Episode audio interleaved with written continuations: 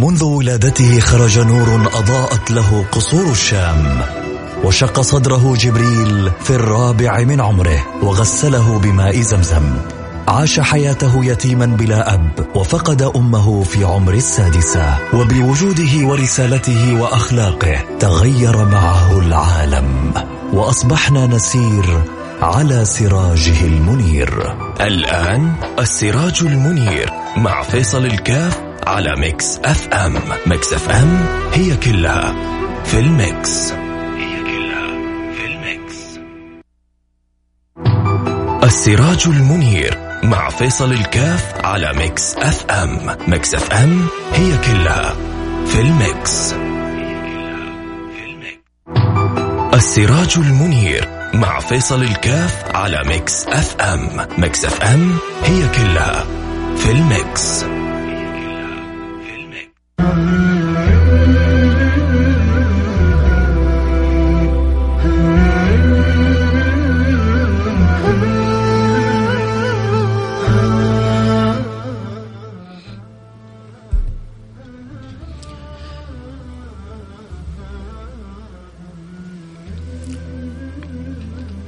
بسم الله الرحمن الرحيم. الحمد لله والصلاة والسلام على رسول الله وعلى آله وصحبه ومن والاه. حياكم الله أحبتي في برنامج السراج منير. البرنامج الذي نتذاكر وإياكم في أخبار البشير النذير. حبيبكم المصطفى صلى الله عليه وعلى آله وصحبه وسلم. وأسأل مولى سبحانه وتعالى الذي سمح لهذه الألسن بذكره أن يجمعنا على حوضه. أن يسقينا من يده الشريفة شربة هنيئة لا نظمأ بعدها أبدا. اللهم آمين يا رب العالمين. اللهم كما أكرمت وتفضلت علينا بأن جعلتنا ننشغل بذكره فاجمعنا على حوضه ولا تحل بيننا وبينه ولا تجعلنا من الذين يقال فيهم إنك لا تدري ما أحدث من بعدك. واقبلنا على ما فينا وردنا إليك مردا جميلا. واصلح لنا أحوالنا حتى نكون من أقرب الخلق لحبيبك محمد. فهناك ثلة من الأولين وثلة من الآخرين يكونون من أقرب الخلق لسيد المرسلين. اللهم اجعلنا منهم وأدخلنا في دائرتهم ولا تحرمنا بركتهم. وارزقنا صدق محبتهم فالمرء, فالمرء يحشر مع من أحب. ونحن نشهدك أن نحب رسول الله. نحب سيدنا أبا بكر وعمر وعثمان وعلي والحسن والحسين ونحب سيدتنا عائشة وسيدتنا خديجة وسيدتنا فاطمة ونحب إليك الصحبة الكرام. اللهم فلا تحرمنا تلك الصحبة ولا تلك الرفقة بسوء أعمالنا ولا بتقصيرنا وعاملنا بما أنت له أهل ولا تعاملنا بما نحن له أهل فإنك أهل التقوى وأهل المغفرة. ما زلنا وإياكم نتواصل في الحديث عن علوم السيرة النبوية. وعلوم السيرة. مهما حاولنا أن نفندها ومهما حاولنا أن نصنفها فسوف يأتي بعد نبي زمن. فسوف يأتي بعد نبي زمن من يسبق من يعدد ويفند ويصنف في علوم السيرة بما لربما لم يذكره. الأولون لأنها علوم لا تنضب ولا تنتهي لأنه الكلام عن السيرة هو كلام عن صاحب أحسن السريرة عن الحبيب المصطفى صلى الله عليه وعلى آله وصحبه وسلم وكما قال القائل وعلى التفنن واصفيه بوصفه يفنى الزمان وفيه ما لم يوصف مهما حاولنا أن نلم ونحيط بعجائب تلك السيرة. بعجائب أخبار صاحب أطيب وأطهر سريره حبيبكم المصطفى صلى الله عليه وعلى آله وصحبه وسلم. نجد اللسان يعجز أن يعبر عن هذا الإنسان. فوجدت قولي لا يفيء بذرة من عشر معشار العطى الرباني. أين يعرب المقول وأين تعرب العبارة عن صاحب أعظم بشارة؟ عن صاحب البشارة والنذارة. عن حبيب رب العالمين ولكنها محاولات ولكنه تشبه ولكنه رجاء ولكنه تقرب إلى تلك الذات الشريفة. نتعرف على شيء من أخباره لأنه من أكثر من ذكر شيء أحبه. ونحن وإياكم رجاؤنا من هذه الدنيا أن نخرج منها وقلوبنا أكثر ما تكون معلقة برسول الله. ثلاث من كن فيه وجد بهن حلاوة الإيمان أن يكون الله ورسوله أحب إليه مما سواهما. الذين يخرجون من الدنيا ويحققون القاعدة هذه فليبشروا ليس فقط بالجنة بل بالجنة في أعلى مراتبها. وهذا, وهذا مقصد عظيم من مقاصد برامج السيرة النبوية والسماع عن تلك الأخلاق المصطفوية وعن تلك الشؤون في التعلق بالذات المحمدية هذا هو الرجاء. والله لا يحرمنا خير ما عنده لشر ما عندنا. اللهم آمين يا رب العالمين. تكلمنا في عدد من علوم السيرة واليوم حنتكلم بإشارات بسيطة للفت النظر والدخول كذلك في تلك الدائرة العظيمة في من تكلموا نتشبه في من تكلموا عن تلك السيرة العظيمة. وكذلك نلفت الأنظار فلعل الله سبحانه وتعالى يحدث في قلب سامع أو مشاهد أو متابع من الحركة من الهم من الفكر من الفكرة ما يجعله ما يجعل له اهتمام وتعلق بخدمة هذا الفن وخدمة هذا العلم من علوم السيرة النبوية. اليوم حنسلط الضوء حنشير بقبسات على علم الطب النبوي. ذلك العلم الذي لا منتهى له. ذلك العلم الذي لو حقيقة وقفنا وتأملنا آه، فيه لشاهدنا عجائب الإعجاز المحمدي فيما ينفع الإنسانية جمعا النبي صلى الله عليه وعلى آله وصحبه وسلم عندما أكمل لنا الدين أكمل لنا الدين والدنيا. ولكن نتفاوت بعد ذلك. نحن في اقتباسنا في أخذنا في تلقينا تلك لتلك العطايا النبوية. الطب النبوي لربما هو كعلم أو كفن آه، تكلم عنه بعد فترة من من الزمن. آه، كمصطلح لربما لم يذكر في زمن النبي أو في زمن الصحابة أو التابعين لكن آه، ذكر بعد ذلك وصارت تفرد له المؤلفات ولعل من اشهرها في الكتب المتقدمة وسبق سبق قبل ذلك من سبق الإمام ابن القيم لكنه صار هو مشتهر بها في كتاب الطب النبوي المأخوذ في جزء كامل من كتابه الرائع القيم زاد المعاد. ذلك الكتاب الذي يكاد يعني ما من مسألة وما من آه، أمر. متعلق بالسيرة إلا وحرص أن يكون له في هذا الكتاب منه جانب والكمال لله سبحانه وتعالى. فأفرد فصل أو جزء كامل لما يتعلق بالطب النبوي ولذلك اشتهر كتاب الطب النبوي للإمام ابن القيم وبعضهم أخذه كمجلد مستقل. ثم بعد ذلك توالت. طبعا حتى شراح الأحاديث كالبخاري وغيره أفردوا في كتبهم فصول لهذا الطب النبوي ثم جاء بعد ذلك السيوطي وأفرد كذلك للطب النبوي كتاب. ثم بعد ذلك من المتأخرين من تكلموا في علم الطب النبوي من أواخرهم الدكتور محمد علي البار آه، ألف كتاب هناك طب نبوي؟ وكذلك قبسات من الطب النبوي الإعجازي وغيرهم ممن تكلموا في هذا الطب. و من عرفوا هذا الطب تنوعوا في في التعريف ولكن خلاصة الكلام في أو يعني وما يمكن أن نعرف به الطب النبوي أنه ما استفيد من رسول الله صلى الله عليه وسلم ما تمت الفائدة به من كلام النبي صلى الله عليه وسلم أو من فعله أو من توجيهه لكل ما فيه الشفاء والاستشفاء من كل داء والأخذ من كلام النبي صلى الله عليه وسلم بما ينفع أن يكون دواء. هذه هذه بمجموعها يمكن أن نسميها الطب النبوي. ذلك آه، الطبيب الذي اجرى الله سبحانه وتعالى على يده العجائب. بل هم تجري على أيديهم من أنواع الطب ما يحير بالعقول والأذهان.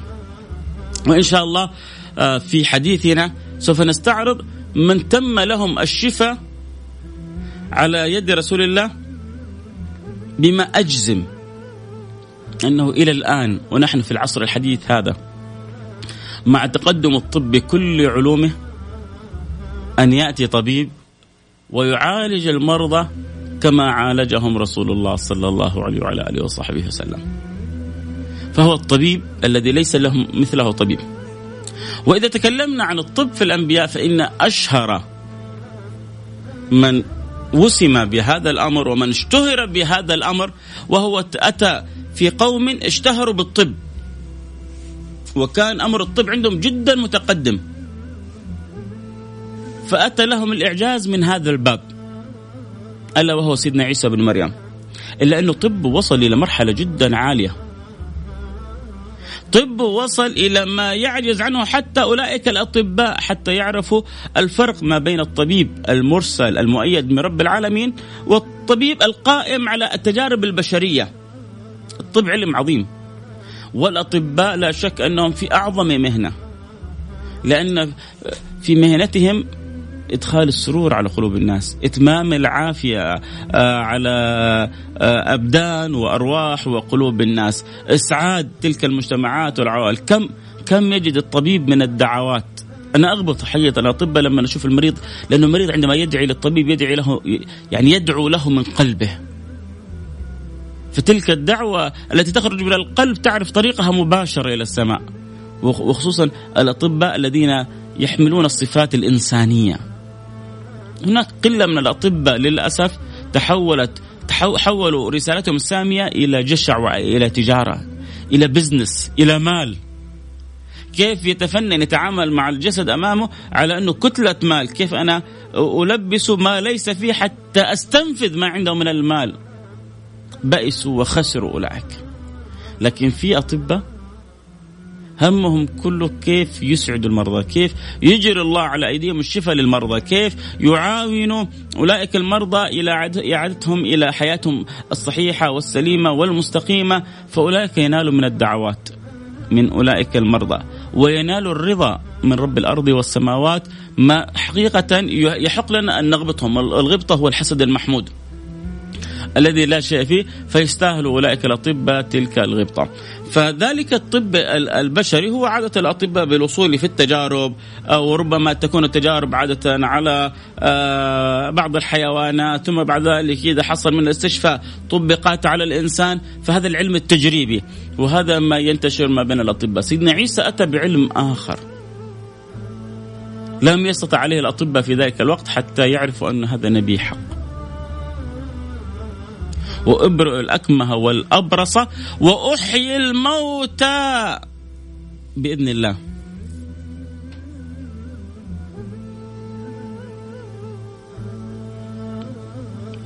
الله.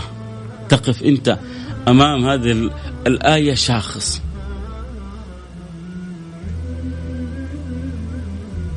يجعل من الطين كهيئة الطير وينفخ فيه فيكون طير بإذن الله. يأتي له الأبرة والأكمة والمصاب فيشفى بإذن الله. بل تصل إلى أن يحيي الموتى بإذن الله. هذا الطب هذا الطب النبوي طب طب الشفاء فيه قطعي. لما؟ لأنه من عند الله تعالى في علاه. هل حبيبكم محمد ينطق من رأسه. هل حبيبكم محمد يجتهد من عقله؟ وما ينطق عن الهوى إن هو إلا وحي يوحى. بس كيف تأخذها بيقين؟ لما جاء رجل عند النبي صلى الله عليه وعلى آله وصحبه وسلم قال له وكان يعني يشتكي من بطنه. فقال أسقه عسلا. فالرجل ما أخذها بقوة. ما أخذها بيقين.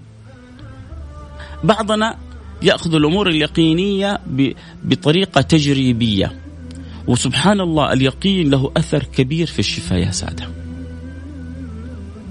الانعكاسات الباطنية الروحية آه، لها أثر كبير في الشفاء.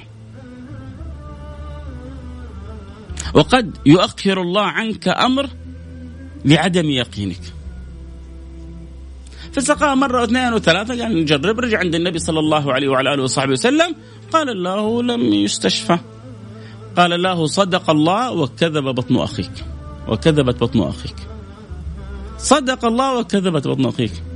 الله سبحانه وتعالى يخبرنا أنه يخرج من ذلك العسل من تلك البطون من بطون النحل الشفاء.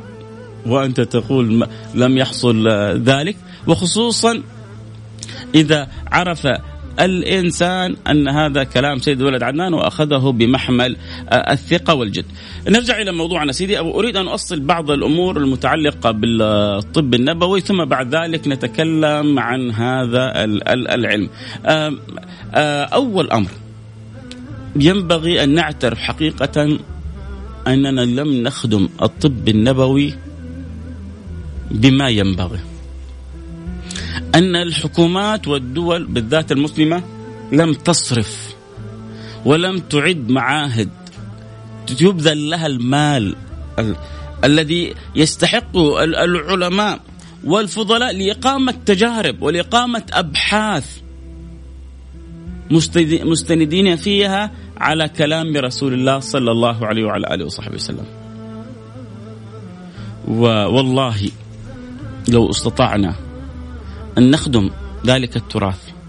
لو استطعنا أن نعد الأبحاث في كلام سيد الناس لخرجنا لهذه الأمم بفوائد لا يعلمها إلا الله. ففي بطون كلام حبيبنا المصطفى صلى الله عليه وعلى آله وسلم من الخير للأمة ما لا يعلمه إلا الله، لكن أين الباحث بصدق؟ أين من تتوفر له الأدوات لإقامة تلك البحوث المميزات. أين من يعطى ذلك الدعم؟ مراكز ينبغي أن تكون هناك عالمية على مستوى جدا كبير تخدم هذه القضية وسوف نجد من كلام النبي صلى الله عليه وعلى اله وسلم العجب العجاب. هذه النقطة الأولى أحب أحببت أن أذكرها. النقطة الثانية الطب النبوي لا شك وخصوصا ما صح عن رسول الله صلى الله عليه وعلى آله وصحبه وسلم هذا عندنا فيه الخبر اليقين لكن إذا أوقع الله الإنسان أو وفق الله الإنسان لاكتشاف شيء من ذلك لا ينبغي الأمر أن يتحول إلى تجارة جشعة. لا ينبغي أن يتحول ذلك إلى تجارة كلها طمع حتى اتكسب من الناس باستخدام الحديث النبوي باستخدام الطب النبوي. أرجع أفتح لي آه، اجتهد في شيء من الأبحاث وأعرف إنه آه، بعض الأمور إن لم تنفع لن تضر وربما يستفيد منها بعض الناس. وأبدأ أروج لبعض الآيات والأحاديث كلها حتى أتكسب منها. لا لا لا إشكال أن يتكسب الإنسان كأبحاث وكعمل ولكن ان يتحول إلى جشع في التجارة. نأتي بماء زمزم وكلنا يعرف كلام النبي صلى الله عليه وعلى وصحبه وسلم أنه الطعام طعم والشفاء سقم. وكم من الناس ولله الحمد شفاه الله سبحانه وتعالى ببركة ماء زمزم. الله سبحانه وتعالى جعل فيه سر من أسرار الشفاء. وفي الحديث الآخر زمزم لما شرب له. متفقين على ذلك. لكن لما أنا آتي وأروح إلى مشايخ وآتي بماء زمزم ثم بعد ذلك أبيعه بأسعار مبالغ فيها ليش؟ هذا الماء مقري وقرأ عليه الشيخ الفلاني. وأظن بعدين على حسب مستوى الشيخ. إذا كان شيخ معتق فيكون السعر جدا غالي. وإذا كان شيخ نص نص السعر أقل. وإذا كان لسه شيخ مبتدئ يا جماعة. يا احباء يعني مثل هذه التصرفات تجعل نظرات الناس لمن يستخدم الحديث النبوي والطب النبوي إيه، نظرات في فيها ألف كلمة وكلمة. نحن ابتعثنا الله سبحانه وتعالى لخدمة الناس لنفع الناس لهداية الناس لإصلاح الناس. كل ما يرتبط برسول الله صلى الله عليه وسلم هو عبارة عن رحمة هو رحمة صلى الله عليه وسلم. وكل ما يرتبط به رحمة كلامه رحمة دواؤه رحمة علمه رحمة شأنه رحمة. فما ينبغي أن نحول تلك الرحمة إلى نقمة. نأخذ الماء هذا ونبيعه بأسعار مبالغة عشان ما مقري عليه. فحقيقة كنت أسمع بعض الأسعار أنا ما أستعجب من اللي يبيع أستعجب من اللي يشتري. إلى درجة؟ أنا بنفسي أروح أخذ الماء هذا وأوديه عند الشيخ بنفسه يقرأ يمكن ما يأخذ مني ولا ريال. والله أعلم مدى صدق أولئك أو عدم صدقهم في في في هذا الأمر. فهذه مسألة أحببت يعني أن ألفت النظر لها. هذه مسألة آه، كذلك مهمة. آه، الله سبحانه وتعالى ذكر الشفاء وبدأ ذكره للشفاء بالكتاب العزيز والكتاب العزيز سبحان الله إذا كنا نتكلم عن بعض الأمور أنها دواء لكل داء فالمتأمل في كتاب الله سوف يجد فيه كل الشفاء. الله سبحانه وتعالى آه، يخبر يقول وننزل من القرآن ما هو شفاء ورحمة للمؤمنين. وننزل من القرآن ما هو شفاء ورحمة للمؤمنين. وثم بعد ذلك تبث. بعضهم ذكر أن هناك أكثر من أربعين آية من من الآيات التي تجمع فيما يسمى بعلم الطب النبوي. ولو أراد الإنسان حقيقة أن يتأمل سوف يجد أكثر من الأربعين آه، بكثير آه، إن أراد أن ينظر لنظرة المتفحص. أو كذلك ينظر لبعض الآيات من الزوايا التي ممكن أن تعالج أو أن يحصل بها الشفاء أو أن يحصل بها. وإن شئت حقيقة أن تقول القرآن كل آيات الشفاء.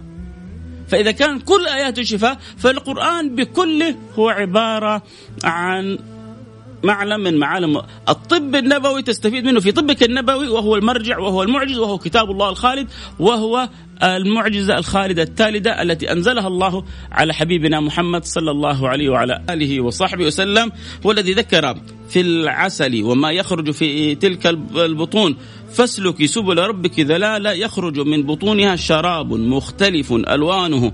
فيه الشفاء للناس إن في ذلك لآية لقوم يتفكرون. سورة النحل. هذا ما يخرج من البطن لذلك قال النبي لذلك آه الرجل صدق الله وكذبت بطنك. أمر جدا مهم متعلق بالطب النبوي وبكل طب ينبغي أن يكون واضح عندنا أن الشافي حقيقة هو الله. النبي صلى الله عليه وعلى آله وصحبه وسلم أمرنا بالاستشفاء وأمرنا بالتداوي وكان يتداوى هو صلى الله عليه وعلى آله وصحبه وسلم وهو الذي لو طلب من ربه ودعا ربه لانتهى الأمر. فالله لا يرد دعاء رسوله. يدعوه بأمور معجزات فيستجيب الله له سبحانه وتعالى. فكيف بالشفاء أو بعافية أو بتمام أمر؟ ومع ذلك كان عندما يصيبه شيء صلى الله عليه وسلم كان يتطبب منه صلى الله عليه وسلم كان بيبذل السبب. لكن مع بذله السبب ولأنه هو أسوة وقدوة لي ولك. طبعا هناك مقامات لكن أنا مثلي ومثلك ينبغي أن يعرف ضعف نفسه فيتأدب مع سنة الله في أرضه. سيدنا أبو بكر الصديق يوم من الأيام مرض فقالوا نأتي لك, نأتي لك بالطبيب. قال لهم الطبيب أعياني. قالوا نجيب لك طبيب؟ قال لهم الطبيب أعياني. يعني ربي سبحانه وتعالى هو الشافي هو المعافي هو العالم بحالي وإذا مرضت وإذا مرضت وإذا مرضت فهو يشفين. مين؟ المولى سبحانه وتعالى. والذي هو يطعمني ويسقين وإذا مرضت فهو يشفين كلها من عند الله. فلا شافي إلا الله ولا معافي إلا الله. يعني أروح للطبيب أنا لا ينبغي أن تكون في ثقتي في الطبيب أنه هو الشافي. هذه جدا مسألة مهمة. ينبغي أن يكون اعتمادي على الله وأن الشافي الله وأنه الطبيب بإذن الله تكون على يديه أسباب الشفاء. فهذه مسألة جدا مهمة ينبغي أن يعني نقف عندها سوف إن شاء الله نتكلم بإذن الله سبحانه وتعالى عن, عن مسائل عجيبة ربما لم يسبق لها رسول الله. الآن في في ونحن في هذه الأزمان انتشرت الأوبئة انتشرت الأمراض المعدية انتشرت الأمراض التي أصبحت مثل البلاء على على الكون كله. مثل الكورونا وقبلها السارس وقبلها. ها في ها في هذه الأمراض هناك في طب وقائي في أمن وقائي في هناك ما يسمى بالحجر الصحي. من يا ترى أول من تكلم فيه؟ تعرفوا أن النبي من قبل 1440 سنة وهو يتكلم عن هذا العلم؟ ويتكلم عن هذا العلم بطريقة يعني محيرة، ليش محيرة؟ لأنها ملزمة لمن أصابهم وتفشى فيهم ذلك الداء وفوق هذا يعطيهم من الجزاء ما يجعلهم راضين وقانعين ومسلمين ومستسلمين ما يحاولوا يهربوا من هذا الأمر. عجيب هذا الحبيب صلى الله عليه وسلم. عندما نتكلم عن الطب النبوي نتكلم عن الطب الوقائي نتكلم عن اخلاقيات الطب نتكلم كثيرا لا يتكلمون عن عن الأخلاقيات الطبيه تكلم عنها رسول الله صلى الله عليه وسلم. فيما يتعلق بالطبيب وفيما يتعلق بالمريض وفيما يتعلق بالزائر والعيادة وعيادة المرضى. ما يعني النبي صلى الله عليه وعلى اله وسلم ما ترك شيء إلا وعلمنا إياه. جزا الله عنا سيدنا رسول الله خير الجزاء. فبإذن الله سبحانه وتعالى نفصل في تلك الأمور شيء من التفصيل. نتكلم عن الطب الوقائي نتكلم عن الطب البدني نتكلم إن شاء الله عن الطب الروحاني الطب المتعلق بأمر الروح وأمر القلب الذي ما زال إلى الآن الأطباء يقفون عاجزين أمامه. وقد وضع يده صلى الله عليه وسلم على الجرح في هذا الأمر وأرشد الأمة لكن من من يحسن التلقي عن رسول الله صلى الله عليه وعلى آله وسلم؟ ما زال الحديث بقية. ما زلنا في مقدمات الكلام عن الطب النبوي. ذلك العلم الجميل الذي أرجع واقول اننا لم نخدمه بما ينبغي بما يليق بالجناب النبوي. أتمنى من الباحثين أتمنى من الخبراء أتمنى من الدول أتمنى من الحكومات ان أن نؤسس معاهد أن نصرف مبالغ لمن يقوم بأبحاث يتأمل فيها ويخدم فيها ويوافق بين كلام رسول الله صلى الله عليه وعلى آله وصحبه وسلم وما بين الوصول بالقرائن والدلائل والتجارب وأمثالها إلى حقائق علمية ننفع بها الأمة، نخرج من كوننا في هذه الأزمان دول مستهلكة وإحنا عندنا أعظم منهج وأعظم نص وأعظم متن وأعظم رسالة إلى أن نكون دول منتجة نريد أن ننفع العالم. صدقوني سوف نجد في ثنايا كلام رسول الله ما فيه النفع الباطن والظاهر للأمة كلها. الله يفتح علي وعليكم ويأخذ يدي ويديكم ويجري على يد أحدنا ما يكون في بحثه علاج ونفع وهداية وفرح وسعادة وصحة وعافية لسائر هذه الأمة. اللهم آمين يا رب العالمين. اللهم آمين. فاصل سريع. أحبتي وحنرجع نكمل حديثنا عن الطب النبوي، الكلام عن هذا الطبيب الأعظم صلى الله عليه وعلى آله وصحبه وسلم عن أنواع الطب الطب الوقائي، الطب العلاجي، الطب الروحاني أو الروحي، كلها كانت تستفاد من الحبيب المصطفى صلى الله عليه وعلى وصحبه وسلم. بعض الاداب المتعلقه بهذا الطب بعض بعض الضوابط اللي حطها النبي صلى الله عليه وعلى آله وصحبه وسلم لمن يمارسون الطب. وصرنا في الزمن هذا الكثير يطالب بها. يا ترى إيش قال النبي صلى الله عليه وسلم؟ حنتعرف على ذلك كله بعد الفاصل، أكيد اللي يحب يتابع الحلقة صوت وصورة ينضموا لنا على الانستغرام live @فيصل كاف F A I S A L K A F تابع الحلقة الصورة الآن. آه، بإمكانك تكون معنا كذلك. آه، في المساء إن شاء الله الساعة التاسعة اليوم مساء على قناة اقرأ تبث الحلقة. اللي يحب يتابع الحلقة كذلك تلفزيونيا أو يخبر أو يخبر بها من يحب على قناة اقرأ مشكورة حيث تقوم بتسجيل الحلقة الآن وعرضها في المساء. جزاهم الله عننا كل الخير. آه، فاصل سريع وحنرجع ونواصل. وبقول مسألة مع كلامي في هذا العلم فأنا متطفل فيه. ولكن آه هو هي مساحة لتحريك الفكر وإثارة الروح الجميلة داخل كل إنسان. كيف يكون لنا جانب في خدمة الجناب الجناب النبوي من من كل الجوانب؟ صلوا على حبيبنا محمد. اللهم صل وسلم. بارك عليه وعلى آله وصحبه وسلم. فاصل سريع وحنرجع نواصل. خليكم معنا لا أحد يروح بعيد.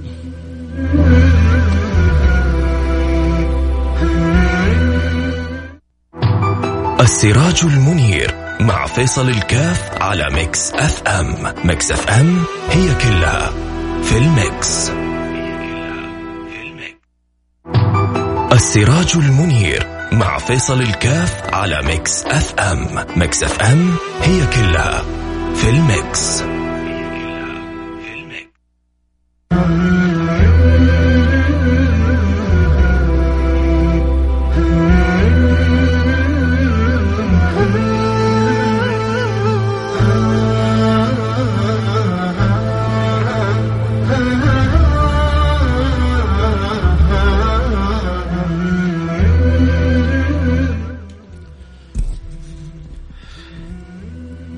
بسم الله الرحمن الرحيم الحمد لله والصلاة والسلام على رسول الله وعلى آله وصحبه ومن والاه حياكم الله أحبتي في برنامج السراج المنير البرنامج الذي نتذاكر وإياكم فيه أخبار البشير النذير حبيبكم المصطفى صلى الله عليه وعلى آله وصحبه وسلم ونتكلم فيه عن علوم السيرة النبوية واليوم نتكلم عن علم جميل علم جدا جدا مهم علم نحتاجه كلنا يا سادتي ونحتاج أن نتأمل فيه أكثر وأكثر لأن مصالح الأمة هذا العلم فيها أساس. ونحن وإياكم نؤمن بتاج الرأس. من عليه المعول في أمور الدنيا والدين. كل حبيبكم محمد صلى الله عليه وعلى آله وصحبه وسلم. ونعرف أنه ما ينطق عن الهوى. ونعرف أنه جعلنا على المحجة البيضاء ليلها كنهارها. وأنا على يقين أن تأملنا في كلام سيد المرسلين فيه النفع التام لكل ما تحتاجه البشرية. لكن بعد ذلك يتفاوت نظرنا نحن وتأملنا في فيما كان من عند رسول الله صلى الله عليه وعلى آله وصحبه وسلم. وأعيد وأكرر كلامي. انه أتمنى أن أن أن نخرج من أن نكون الدول الإسلامية دول مستهلكة إلى أن تكون دول منتجة. كنا في يوم من الأيام نقدم النفع للعالم كنا في يوم من الأيام العالم كله كان عال علينا وأصبحنا في هذا الزمان سامحوني على الكلمة لربما أصبحنا عالة نحن على على على العالم فقط نستهلك وفقط نستجلب وفقط نأخذ ولا نقدم شيء للبشرية. طيب كيف نقدم شيء؟ هم تقدموا علينا، هم تفوقوا علينا. أتوقع لو استطعنا أن نتأمل فيما بثه لنا النبي صلى الله عليه وعلى آله وصحبه وسلم من من كلام من كلام رباني لأنه النبي العدناني ما ينطق من لسانه وما ينطق عن الهوى. سوف نجد ما فيها النفع للبشرية جمعة. لكن من يتأمل من يبحث من الدول التي تتبنى من الذي يقيم تلك المعاهد ويأتي بصفوة صفه من هم في هذا الزمان؟ حتى يتأملوا كلام سيد ولد عدنان وخصوصا فيما يتعلق بالطب فننقذ الإنسانية من أمور تحتاجها وسبحان الله لربما طبيب لربما طبيب بإتقانه في علم الطب النبوي ووقوفه على شيء من كلام النبي صلى الله عليه وعلى آله وصحبه وسلم. يجعل له مفتاح لاستخراج دواء أو علاج بعد ذلك ينفع البشرية عامة ثم يتأمل فيجدون الناس أنه كان من كلام سيد الناس لربما ذلك الطبيب يسلم على يديه ما لم يسلم على يديه آلاف من الدعاء وآلاف من العلماء. لأنه إيمان إيمان عامة الناس في أعينهم. ليش أتت المعجزات؟ لأنه لو تقول لهم قال الله قال رسولهم ما يؤمنون بما تقول أنت. لكن لما يروا المعجزة يعرفون إنك أنت غير عادي. يعرفون إنك أنت وإن كنت بشر لكنك لست كباقي البشر. اذا أنت مؤيد. مؤيد ممن مؤيد من رب العالمين. فلذلك جاءت المعجزات حتى من كان في قلبه خير يقبل على الإيمان ويسلم ويؤمن ويسلم. ومن كان في قلبه شر ما حق تكون عليه حجة يوم القيامة. إنه أتتك المعجزات البينات الدالة على أن هذا رسول لخالق الأرض والسماوات وإنت أبيت ولكن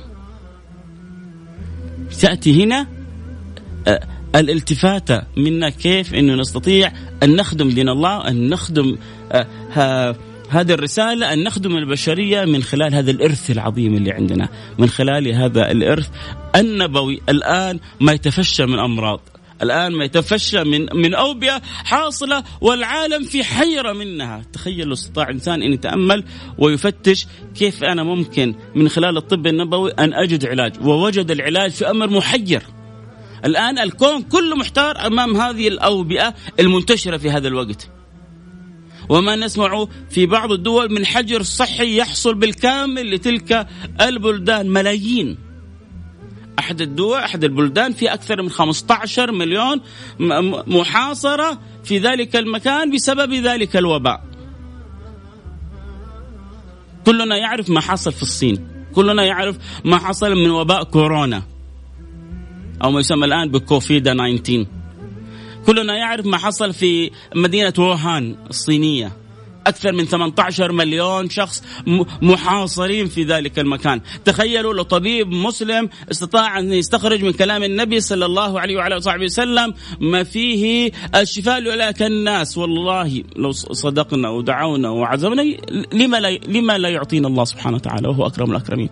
لما يحرمنا الله سبحانه وتعالى وهو وخصوصا وخصوصا إنه عندنا إحنا يقين أن هناك دواء لهذا الداء. هناك دواء للكورونا. من فين عرفت؟ من كلام النبي ما من داء إلا وله دواء إلا السام. النبي يقول ما من داء إلا وله دواء. خذها يقين حتى لو لم يكتشف. أنا في يقيني بإذن الله أن السكر هذا سوف يأتي يوم ويوجد له علاج. ونقول إحنا في يوم من الأيام السكر هذا هذا المرض كان في يوم من الأيام مسيطر على العالم. وأصبح خبر منتهي. آه أنت عندك سكر خذ العلاج هذا وينتهي الأمر. بإذن الله سبحانه وتعالى. أنا أعرف كم من أناس يعانوا من السكر. كم من أناس بترت أطرافهم من السكر. كم من أناس ذهبت شبكيتهم تعبوا. لكن بإذن الله سوف يأتي العلاج. والكورونا وما غيرها من الأمراض المتفشية يأتيها العلاج. ليش؟ لأن النبي قال ما من داء إلا وله دواء إلا السام. الموت هذا اللي ما له علاج إذا جاك جاك خلاص انتهى الأمر. فيا رب أتمنى آه، نتكلم عن الطب النبوي وتكلمنا عن تأصيلات آه، متعلقة مهمة بالطب النبوي أريد أن أذكر كذلك معها ملمح جدا مهم بعض الاخبار التي وردت لنا عن سيد الأخيار حبيبنا محمد. البعض بعقله لم يستطع أن يستوعبها.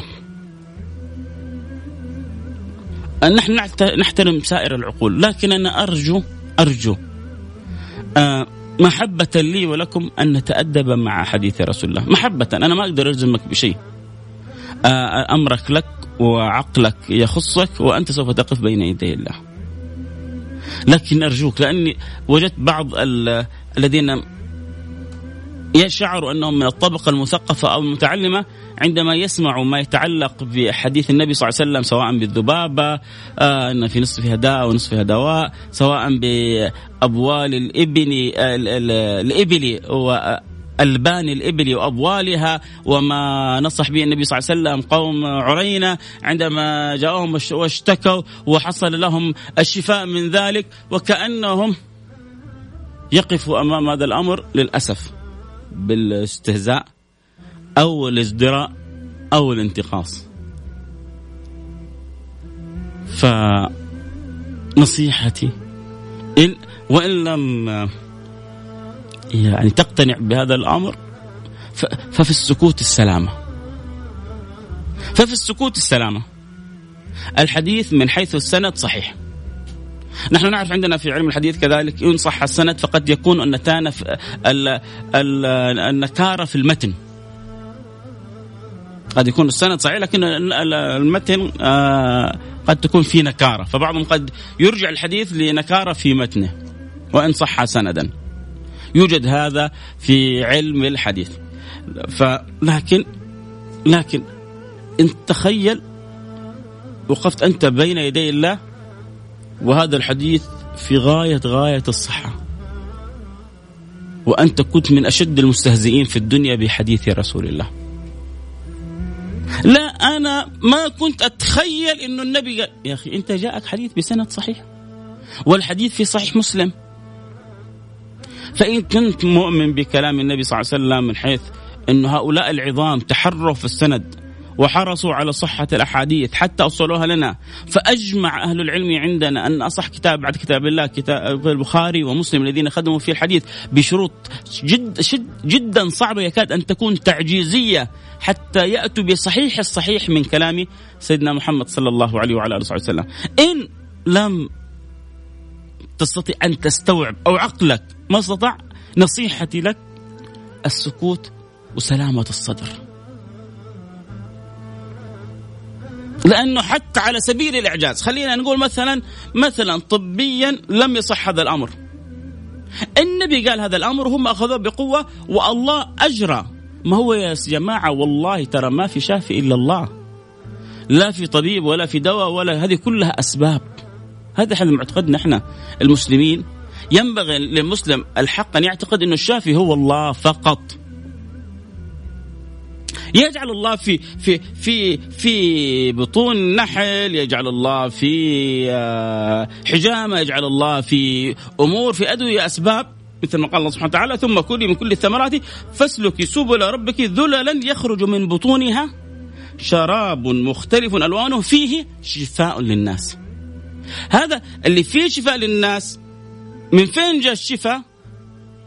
من سر قول الله وإذا مرضت فهو فهو من هو؟ الله فهو يشفين.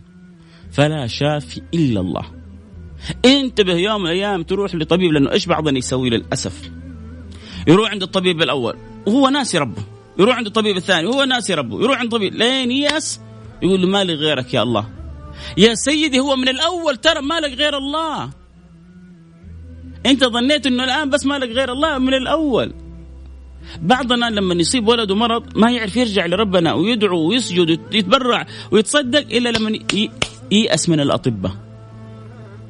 يا سيدي من البدايات كان ينبغي لك من البدايات كان ينبغي لك أن تعرف إنه ما لك إلا الله وبعدين تبذل السبب وتروح للأطباء وتسأل وتبذل السبب وتسوي كل اللي تبغاه. لكن من البدايات ما لك غير الله. يجعل الله الشفاء في القرآن. ينزل الله سبحانه وتعالى هذه الآيات شفاء للمؤمنين وننزل من القرآن ما هو شفاء ورحمة للمؤمنين. الله سبحانه وتعالى بهذا القرآن وكم كم من أناس كانوا مرضى وتشافوا بقراءة سورة الفاتحة. وكم من أناس كانوا مرضى وتشافوا بقراءة آية الكرسي عليهم؟ وكم من أناس تشافوا ببسم الله الرحمن الرحيم عندما كانت توضع على الألم وعلى الوجع. هذه مجربات منتشرة يعني ما هو بالمئات بالآلاف من القصص. لأنه الشافي هو الله سبحانه وتعالى. هل هذا استخفاف بالطب؟ لا حاشا وكلا. ليس استخفاف بالطب ولكنه يقين بالله. يقيني يقيني. يقيني يقيني. احفظوها هذه. يقيني يقيني. إيش يعني؟ يعني يقيني بالله يقيني من شرور كثيرة. يقيني بالله يقيني من أخطار كثيرة. فيقيني يقيني. يعني يقيني الأولى من اليقين الإيمان. واليقين الثاني من الحماية. يقيني يقيني. أي إيماني يحميني. وفي أمور إلى الآن عجز عنها الطب. مثل ما ما يأتي. طبعا وأنا أعلم إنه بعضنا عندما نتكلم في هذا الأمر لربما للأسف يعني يقول إحنا في في القرن العشرين وأنتم لسه بتتكلموا في الأشياء هذه. لكن إذا اصابته بعد ذلك هو يروح يدور. وأعرف كم واحد كانوا ينكرون مثل هذه الأمور. فلما أصابهم هذا الأمر صاروا يدورون من مكان إلى مكان. ألا وهو أمر العين. ألا وهو أمر الحسد. ألا ألا؟ وتلك الطاقات السلبية التي تخرج من إنسان فتصيب إنسان فتوقع في أمر ما. النبي صلى الله عليه وسلم قال العين حق. يجي بعضنا يقول إيش الكلام فاضي؟ هذه عبارة عن أمراض واكتئابات وعلاجات وأمراض نفسية لها أطباء ولها آه دكاترة ولها أخصائيين يسيبونا من الكلام الفاضي حتى بعض المسلمين للأسف. إيش إيش اللي خلى حقيقة البعض يصل إلى هذه الحالة؟ أول حاجة سوء استخدام هذا الأمر. يعني بعضنا للأسف جاعل العين والحسد شماعة لكل لكل أخطاء وفشل في الحياة. رست في الاختبار عين ما صلت على النبي. ما صدم سيارة عين ما صلت على النبي. آه صار له طاح في طريق كل كلها هي العين حق. بس ما في في الكون كله شغلة في العين اللي واقعة فيك انت بس. الناس ما عنده شغلة اللي تحسدك انت بس. فصار البعض بالطريقة هذه هذا شيء. الشيء الثاني ظهروا لنا شيوخ شيوخ businessman لأنه ترى هذا هذا تفسير الأحلام القراءة الرقية. مع انه الرقيه شرعية. ما فيها كلام. ولكن صارت بالنسبة للبعض business افتح عيادات يا عمي. وبعدين ترى سهلة. انت فيك كمخة. انت فيك لفحه انت فيك صرعة. إن... طيب إيش اللي ضمنه؟ في تقرير في كذا في ما ال... ال... هو جزء من الكلام حق لكنه صار يستخدم عند من لا يعرف الحق. فانتشار أمثال هؤلاء المدعين جعل الناس تكون عندها البعض ردات فعل. فالعين حق كلام النبي محمد صلى الله عليه وسلم. ولما جاء بسهل بن حنيف وكان يعني يصرع والنبي صلى الله عليه وسلم يعني غضب من هذا الأمر وقال لهم أو تشكون في أحد؟ فقالوا يعني نعم في عامر. ودعا النبي صلى الله عليه وسلم آه ذلك الصحابي عامر ودعا وأمره أن يتوضأ وأخذ بوضوئه ثم بعد ذلك نضحه على سهل فقام وكأنما نشط من عقال. سهل هذه كلها حصلت في زمن النبي محمد صلى الله عليه وسلم. قصة من قصص.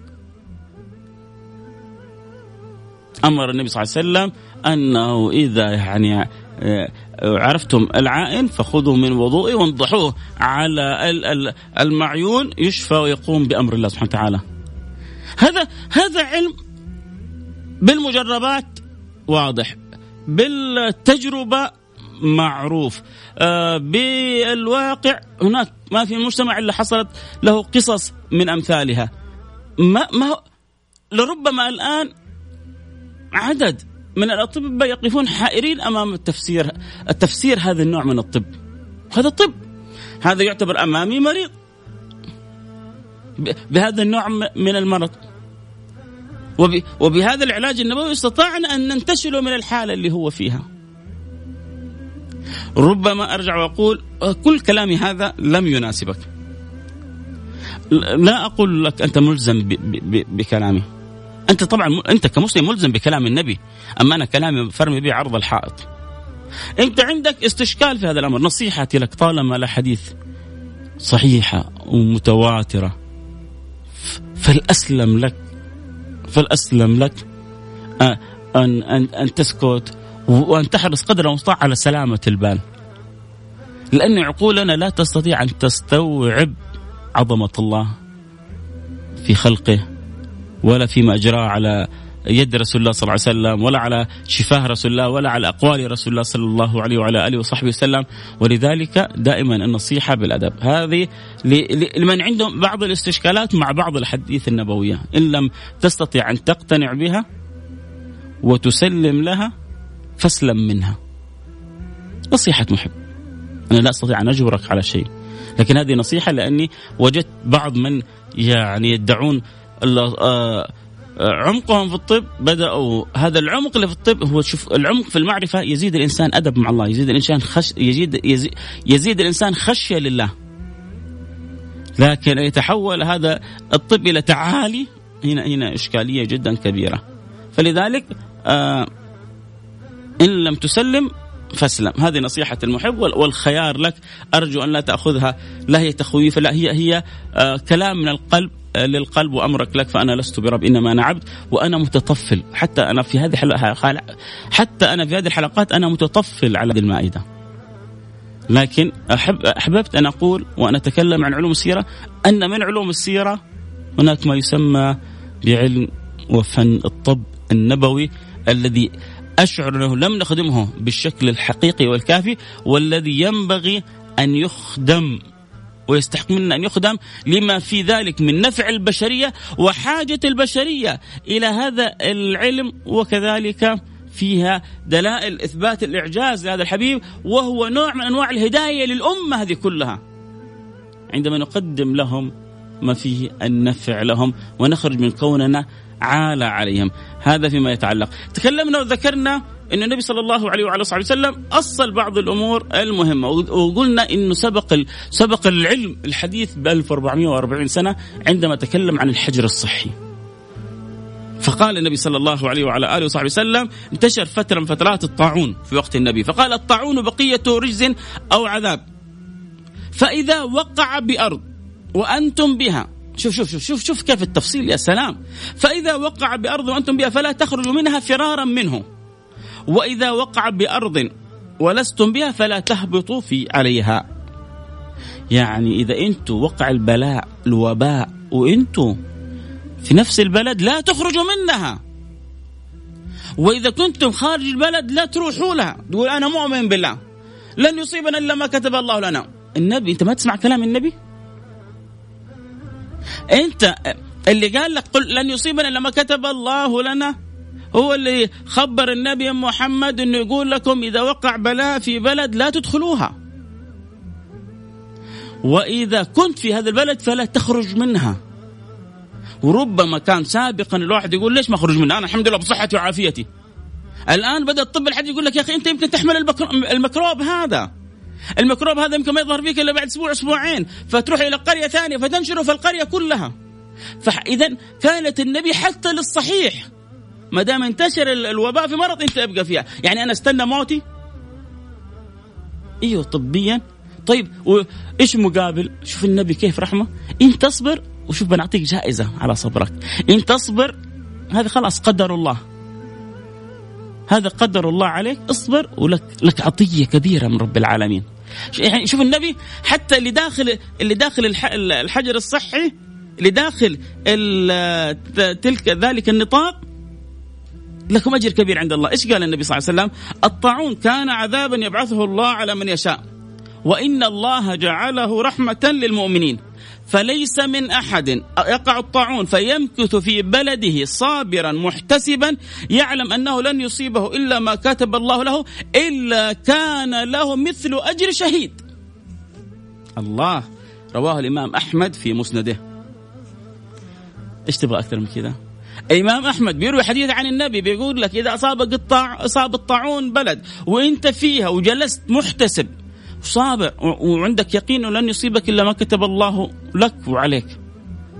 فلك أجر شهيد. أنت حتحصل أجر شهيد. شوف كيف النبي بيصون الكون عن انتشار الوباء. بيأسس فكرة طبية الأمن الوقائي والطب الوقائي وبيتعلموا الآن الناس وبيدرسونه والنبي علمهم قبل 1400 سنة 1440 سنة. بينشر لنا هذه العلوم حبيبنا محمد صلى الله عليه وعلى آله وصحبه وسلم. بيأصل لنا أمور مهمة متعلقة بالطب. الطبيب عندما يتجرأ على على على المريض وخصوصا في فن لا يتقنه. النبي صلى الله عليه وسلم يخبرنا أنه من تطبب بغير طب فهو ضامن. يعني اللي بيعالج الناس وخصوصا إذا هو ما هو مختص في هذا الأمر فعليه ضمانة. لو سبب مقتله عليه أن يضمن. هذه قواعد يضعها الآن نسمع انه والله القتل الخطأ والطبيب عندما يتصرف تصرف خاطئ وإيش الأحكام القانونية؟ ارجعوا كلام النبي. حتى المسائل هذه النبي صلى الله عليه وعلى صحبه وسلم ضع وضع فيها قواعد وتأصيلات تستطيع أن تنطلق منها في حياتك وقانونك ونظامك وشرعك. ما أعجب رسول الله. ما أعجب رسول الله وما أجمل رسول الله وما أحن رسول الله وما أطيب رسول الله وما أعظم رسول الله صلى الله عليه وعلى آله وصحبه وسلم. ما زال للحديث بقية. ما زال في الكلام كلام عن علم الطب النبوي لسيد الأنام حبيبكم محمد صلى الله عليه وعلى آله وسلم. أعظم طبيب على الإطلاق. داوى وعالج وعمل عمليات في لحظات. وترجع حياتهم أحسن مما كانت، مش مثل ما كانت، العادة الطبيب لما يعمل يده بيرجعها مثل ما كانت، لكن ترجع الآلة أحسن مما كانت. ترجع العضو البشري أقوى مما كان. هذا هذا هذا هذا الطب من نوع آخر. إنه حبيبكم محمد صلوا عليه. اللهم صل وسلم وبارك عليه. ما زال الحديث إن شاء الله بقية في كلامنا عن الطب النبوي. إن شاء الله نواصل في الحديث. نسأل الله سبحانه وتعالى أن يرزقنا كمال الأدب وأن يرقينا إلى أعلى الرتب وأن يجعلنا ممن اقترب من هذا الحبيب المصطفى صلى الله عليه وعلى آله وصحبه وسلم بالأعمال التي تدخل السرور على قلبه ومنا خدمة الناس وخدمة المجتمع وخدمة الكون كله. وإحنا أمام علم شريف يكاد يعتبر من أشرف العلوم على الإطلاق. هذا علم الطب هذا ونفع الناس وإعطاء الناس آه، العافية لهم ان نكون أسباب في مد يد العافية لهؤلاء المرضى. لا شك إنها مهنة. أهنئ كل طبيب وأقول له ربنا وفقك إلى أشرف المهن في هذا. الكون وهي خدمة الناس وخدمة المجتمعات وخدمة البشرية. وأسأل الله سبحانه وتعالى أن يجري على يد أطبائنا استلهاما من حبيبنا محمد صلى الله عليه وسلم ما يجعل الله في طبهم النفع للناس والهداية للكون. ويا رب يا رب يا رب نسمع الأخبار الطيبة من الشفاء والعافية لبعض الأمراض المستعصية في هذا الزمان.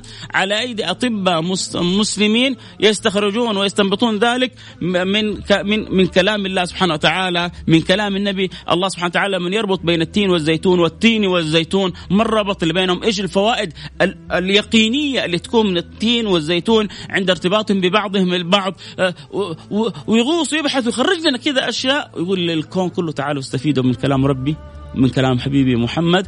أعطيناكم الشفاء والفائدة والعافية ونتمنى لكم الخير بالهداية والتقوى والاستقامة. اللهم آمين. يا رب العالمين. نلتقي على خير.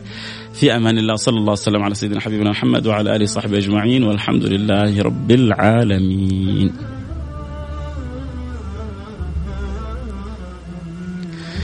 حياكم الله أحبتي. ما شاء الله تبارك الله. ما شاء الله تبارك الله. الكلام عن الحبيب صلى الله عليه وسلم في أي جانب من الجوانب ممتع جميل آه، لطيف آه، الله ينفعنا بهذا الحبيب المصطفى صلى الله عليه وعلى آله وصحبه وسلم.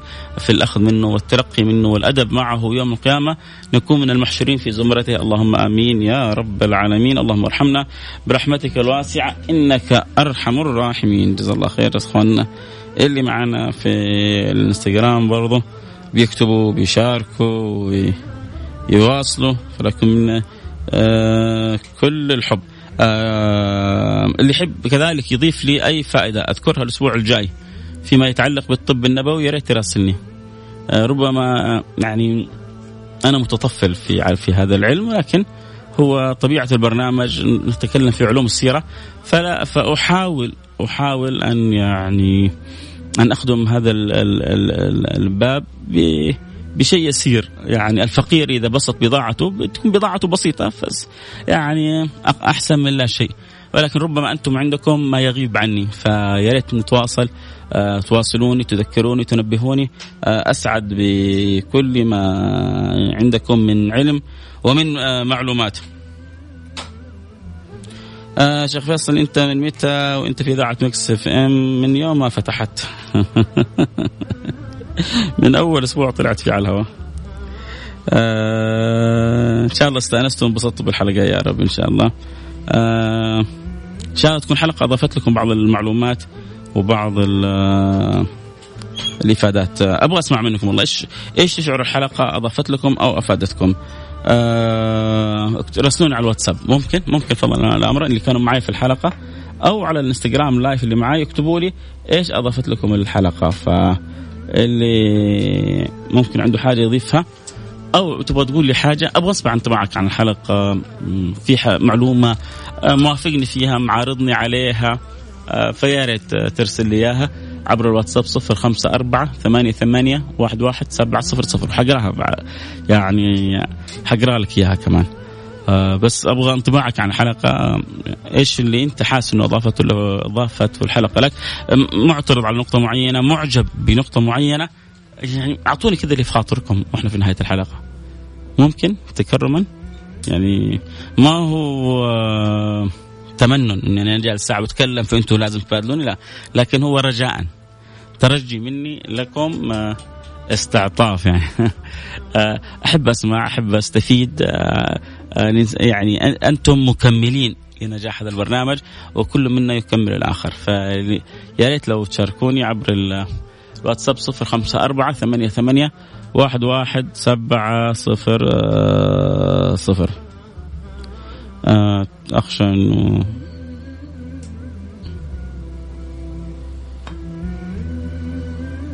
الانستغرام ربما الآن يكون انتهى لأنه تكلمنا قريب الساعة. فلكن عبر الواتساب انتظر كل رسائلكم. توجه بالدعاء ونقول يا رب بسم الله الرحمن الرحيم الحمد لله رب العالمين. اللهم صل وسلم على سيدنا حبيبنا محمد وعلى آله وصحبه أجمعين. اللهم يا واحد يا أحد يا فرد يا صمد يا حي يا قيوم. يا رحمن يا رحيم يا من لا تخيب من دعاك ولا ترد من رجاك نسألك أن تقبلنا على ما فينا وأن تردنا إليك مردا جميلا. اسالك أن تتوب علينا. توبة نصوح تطهرنا بها قلبا وجسما وروح نسألك يا رب العالمين. يا أكرم الأكرمين يا أرحم الراحمين. أن تجري على أيدي الأطباء المسلمين ما يكون فيه النفع لهذه الأمة. يا رب العالمين. اللهم آه، ألهمهم من كلام حبيبهم محمد صلى الله عليه وعلى آله وصحبه وسلم. ما يكون فيه النفع لسائر الأمة. يا رب العالمين. اللهم اجعلنا يا رب العالمين لهذه الأمة نافعين. اللهم اجعلنا يا رب العالمين لهذه الأمة نافعين. اللهم يا رب العالمين اجعلنا لهذه الأمة نافعين. اللهم إن في كلام حبيبك محمد ما فيه النفع لهذا الكون كله. فأوقفنا يا رب أوقفنا يا رب على تلك المفاتيح.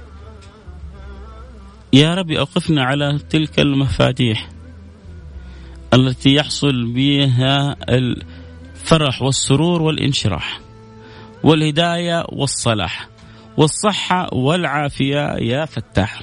يا رب أوقفنا أوقفنا أوقفنا على مفاتيح من كلام النبي محمد تكون أبواب للشفاء والعافية لسائر الأمة. يا رب يا رب يا رب. اللهم هذه الأوبئة انتشرت وهذه الأمراض غزات فإن يا رب العالمين نشهدك أن عباد ضعف بين يديك. وأنت الشافي ولا شافي غيرك. وإذا مرضت فهو يشفين فيا شافي يا كافي يا معافي. احفظ بلدنا خاصة من هذه الأمراض والأوبئة. واحفظ سائر البلاد منها. ومن كانت فيه فاصرفها عنه. وأجري وعجل بإيجاد العلاج لما فيه. الفرح للبشرية. يا رب العالمين إنك أكرم الأكرمين. حبيبنا محمد أخبرنا أنه ما من داء إلا وله دواء. فعجل يا رب بالدواء الذي يحصل به الشفاء لعامة الناس. ويا رب يا رب يا رب أسألك يا أكرم الأكرمين أن تجعل هذا العلاج يبرز ويظهر على يد طبيب من أطباء المسلمين. ويا رب يكون مستنبط من كلامي أو حديثي أو توجيهي أو فعل النبي الأمي الأمين. يا رب يا رب يا رب يا رب يا رب يا رب يا رب يا رب العالمين يا رب العالمين يا رب العالمين. اللهم نسألك أن توفقنا أن ترضى عنا أن تهدينا أن تصلحنا أن ترزقنا الاستقامة أن تجعل لنا أعظم كرامة. أسألك أن تصلح الراعي والرعية وتصلح الأمة المحمدية. أسألك أن تحفظ بلادنا خاصة من كل سوء من كل مكروه. أن تديم علينا فيها نعمة الأمن والأمان يا رب العالمين. وأن تبارك لنا فيها وفي سائر بلاد المسلمين. اللهم أسألك أن تحفظ خادم الحرمين الشريفين. أن توفقه لكل ما تحب وترضاه.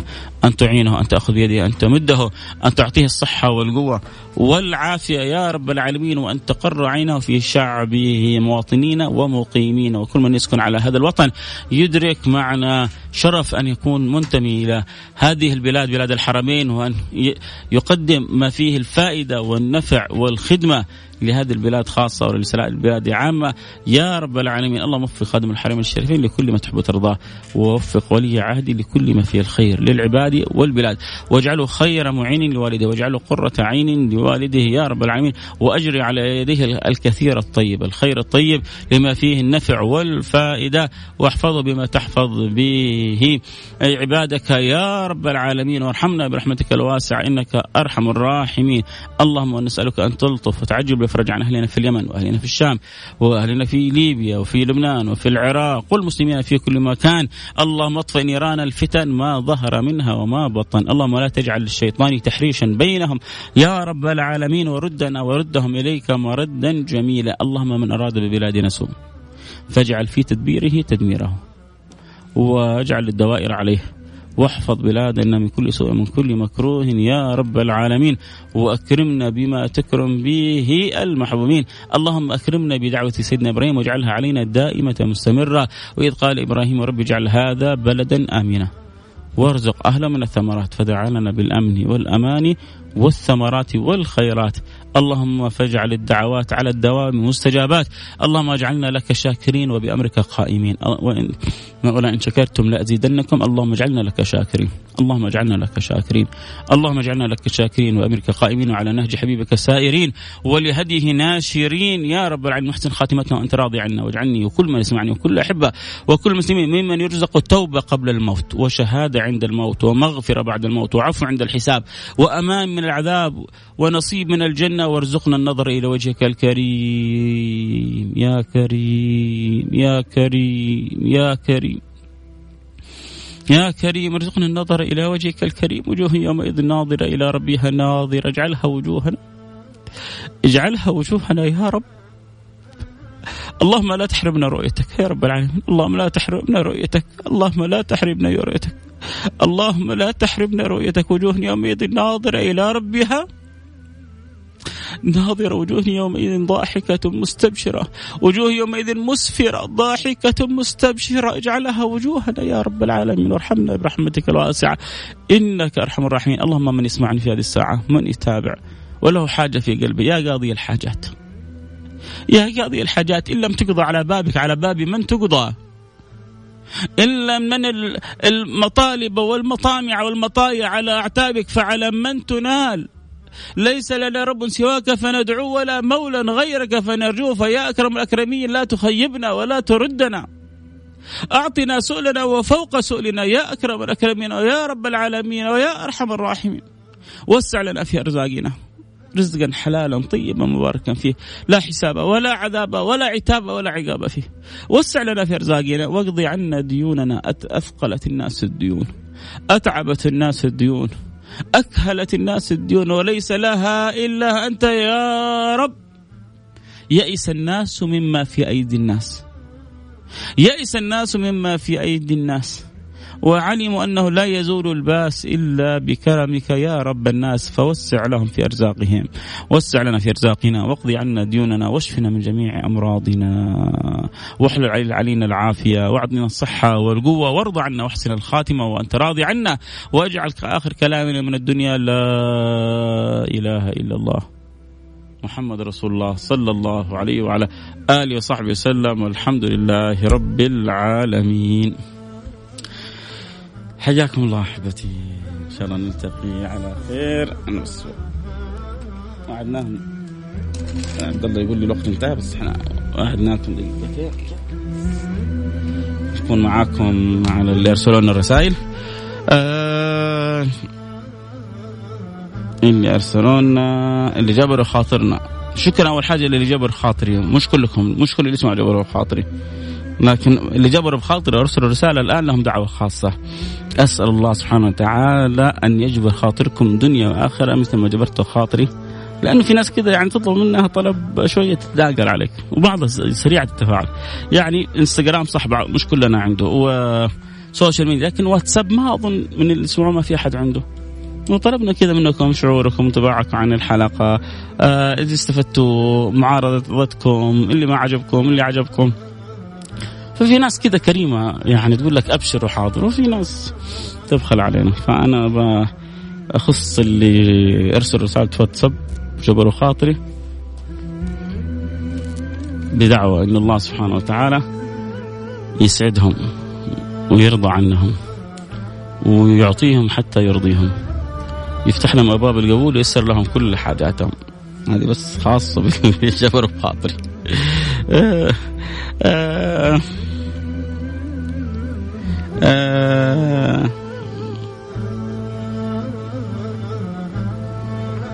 شكرا على اللي عرض خدماته. جزاك الله خير. ماهر زعفراني من مكة جمعة مباركة لك من المنامة من البحرين والنعم. ما شاء الله. هل البرنامج يوصل البحرين؟ ماهر زعفراني وتسمعني الآن يا ريت برضو لأنك أنت مرسل لي جمعة مباركة لك من المنام البحرين هل البرنامج واصل للبحرين؟ وإذا واصل البحرين إيش هل هو على نفس التردد حق الدمام 98 ولا في تردد ثاني؟ فضلا لا امرا يا ماهر زعفراني يا ريت تقول لي. آه أسامة وجيه حياك حبيبي الله يجبر في خاطرك شكرا على رسالتك الكريمة يا أسامة وجيه حسن البرنس آه آه، ارسل لي حسن البرنس على الانستغرام على الخاص وبعدين إيش الموضوع؟ وحنتواصل مع بعض. ابشر بكل خير يا حسن. آه اللهم صل على سيدنا محمد. آه آه، الطب النبوي أغلبنا غافل عنه نسأل الله السلامة والعافية. عندما يمرض أحدنا يفزع للعيادات والصيدليات والشفاء بين أيدينا. أبو محمود من تبوك. آه الله يرضى عنك أستاذ فيصل من أجمل البرامج. شكرا لك. آه الله يوفقك. أرجوك تدعي لي أخوك حامد. أحبك في الله أحبك الله الذي أحببتنا فيه وأسعدك الله دنيا وآخرة. السؤال أنا كنت موظف حكومي. جت فترة صرت أصحى الصباح أروح للدوام. لما أدخل أقسم بالله أنه يجيني ضيقة مع العلم أني احب تخصصي وشغلي. بس ما أدري صرت ثلاثة شهور بعد طلعت من عملي. وكمان لما أطلع من الدوام ما أحس بشيء. لما أرجع والله صدري يضيق. أه وما في مع اقرأ على نفسك. حصن نفسك واسأل إذا في شيء متعلق. يعني الطب هذا الروحي لا يعطل الطب البدني أو العضوي. فالمريض الذي يشعر بالمرض ينبغي أن يستخدم كل الوسائل ولكن لا الطب الروحي ولا الطب البدني هو الشافي، الشافي هو الله. لكن انت ربما شفاك في الطب الروحي، ربما شفاك في الطب البدني، ربما شفاك في الطب الوقائي، في في ايا كان ابذل السبب هنا وهناك. لا تجلس بس كذا تتفرج على نفسك. يعني طالما أنت يجيك مكان ضيق وتخرج يروح منك، في في عندك مشكلة، حاول تعالجها، قد يكون عندك أمر نفسي. فبرضه حاول تعالج آه نواف العنزي حياك يا نواف حبيبي نورت البرنامج آه الحبيب اللي يسأل أنت كم لك في الإذاعة؟ ما يدري إني أنا متابعك من سبع سنوات تقريبا. والله يجزاك خير والله إنك غيرت فيني شيء كثير. بشكل ما تتخيل حتى نظرة حياتي تغيرت حرفيا. أقول لك شيء الله يدخلك الجنة من الأخير. الله الله الله الله الله, الله.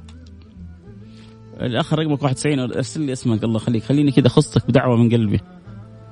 الأخ رقمك 91 ارسل لي اسمك يرحم والديك أبغى كذا أدعي لك من قلبي كذا دعوه مش على الهواء بس بيني وبين نفسي بدعي لك دعوة على ال...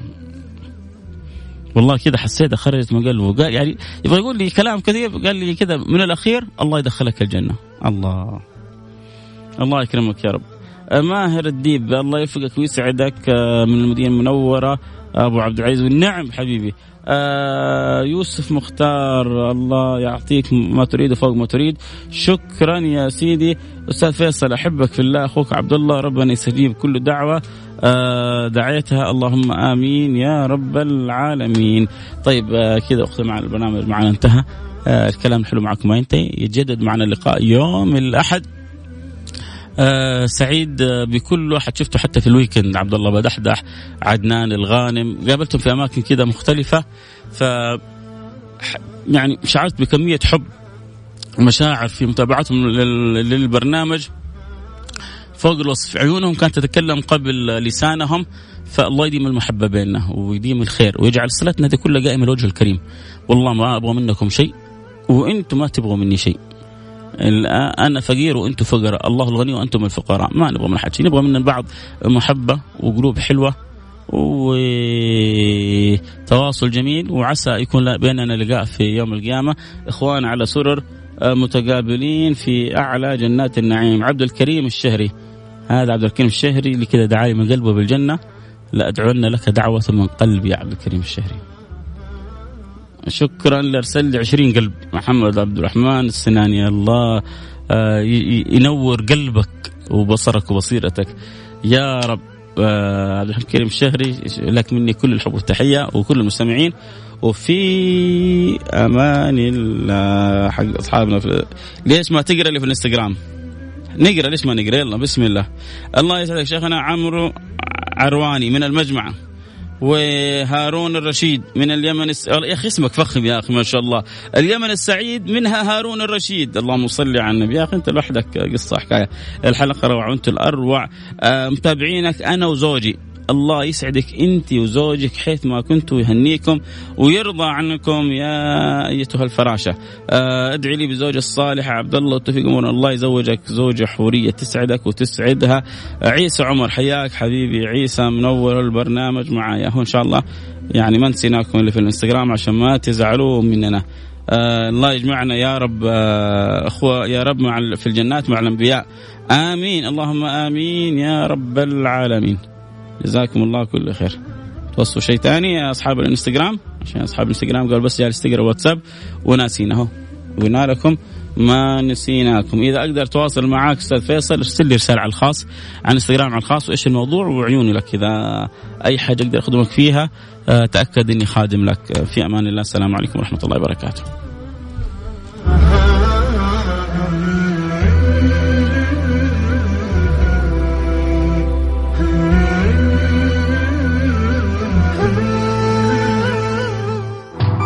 السراج المنير مع فيصل الكاف على Mix FM. Mix FM هي كلها في ال mix.